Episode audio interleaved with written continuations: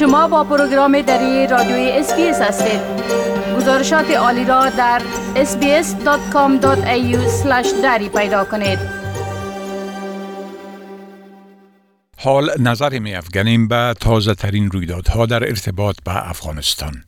جو بایدن رئیس جمهور ایالات متحده امریکا فرمان اجرایوی را برای آزاد ساختن 7 میلیارد دلار امریکایی معادل 9.8 میلیارد دلار استرالیایی از دارایی های منجمد شده بانک مرکزی افغانستان به خاطر تمویل کردن کمک های بشردوستانه در افغانستان و پرداختن جبران خساره به قربانیان حملات 11 سپتامبر امضا کرده است.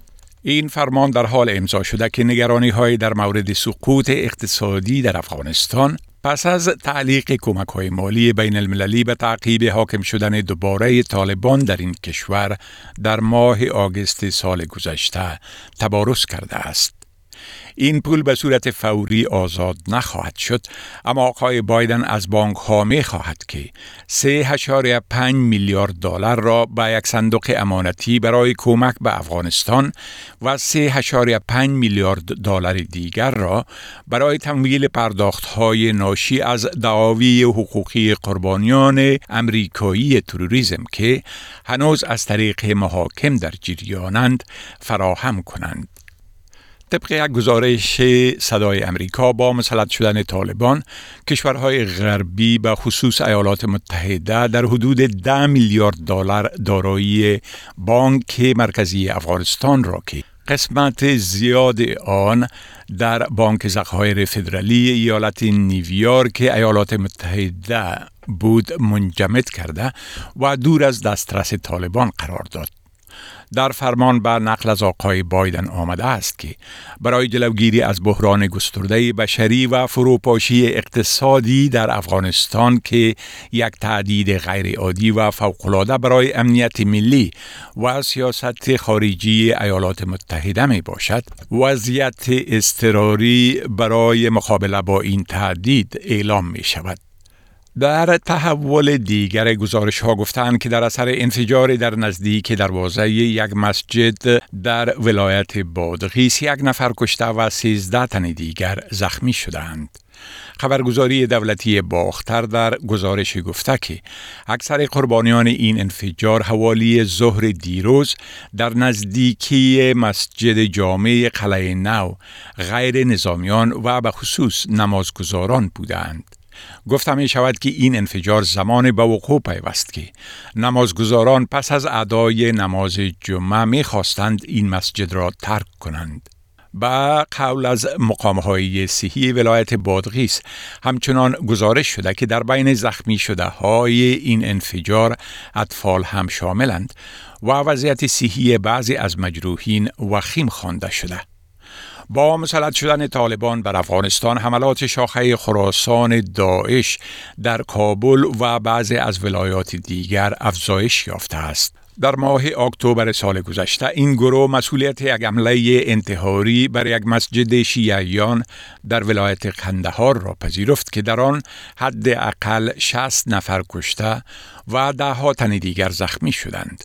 قبل از این در یک حمله مشابه داعش در ولایت کندوز هم حداقل 46 نمازگزار کشته و بیش از 140 نفر دیگر زخمی شدند.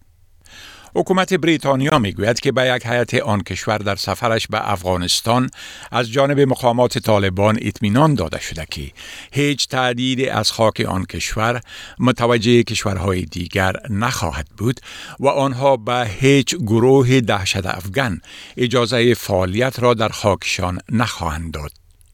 در یک اعلامیه حکومت بریتانیا گفته شده که امیر خان متقی وزیر خارجه طالبان به آنها این اطمینان را داده است. طبق این اعلامیه آقای متقی تاکید کرده که بعضی از رسانه های مغرض کوشش می‌کنند که با حکومت طالبان اتهامات بی اساس ببندند و در بین کشورهای جهان به اعتمادی ایجاد کنند.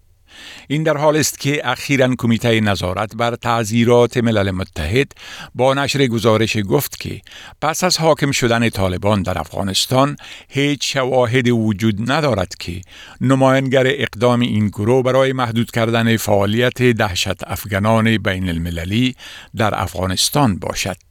اما برعکس آزادی و فعالیت گروه های تروریستی در داخل افغانستان نسبت به هر زمان دیگر افزایش یافته است. در اعلامیه علاوه شده که هیئت بریتانیا در دیدار با امیرخان متقی و عبدالحق وسیق مسئول استخبارات این گروه نگرانی خود را درباره وضعیت حقوق بشری به خصوص حقوق زنان و دختران و اقلیت های افغانستان ابراز کرده و خواهان توجه در این مورد شد. یک هیئت طالبان که به ژنو سفر کرده می گوید با مقامات سازمان های بین المللی و کشورها درباره کمک های بشر دوستانه به افغانستان ملاقات های انجام دادند. ولی طبق گزارش بی بی سی اعضای این هیئت تاکید کردند که از آنها تعهد خواسته نشده است. از قول لطیف الله حکیمی رئیس کمیسیون تصفیه طالبان که در این هیئت عضویت دارد گفته شده که هیئت با سازمان های صلیب سرخ و دکتران بدون سرحد و گلوبال فند و همچنان نمایندگان کشورهای بریتانیا و سوئیس مذاکره کردند. با گفته او هدف تمام جلسات آنها صرف برای جذب کمک های بشری بوده است. وزارت خارجه سوئیس خاطر نشان ساخته که سفر این هیئت به معنای شناسایی طالبان نمی باشد. در این حال سازمان غیر دولتی جینواکال که میزبان این هیئت طالبان در ژنو است پیشتر در توییت نوشته بود که هیئت طالبان پس از گفتگوهای در سطح بلند در ژنو اعلامیه را درباره مسائل اساسی از جمله حفاظت و تأمین مراقبت های صحی، آموزش برای همه افغان ها، احترام به کمک های بشردوستانه و حفاظت از محیط زیست و میراث های فرهنگی تایید کرده است. می خواهید این گونه گزارش ها را بیشتر بشنوید؟ به این گزارشات از طریق Apple Podcast، Google Podcast، Spotify و یا هر جایی که پادکاستتان را می گیرید گوش دهید.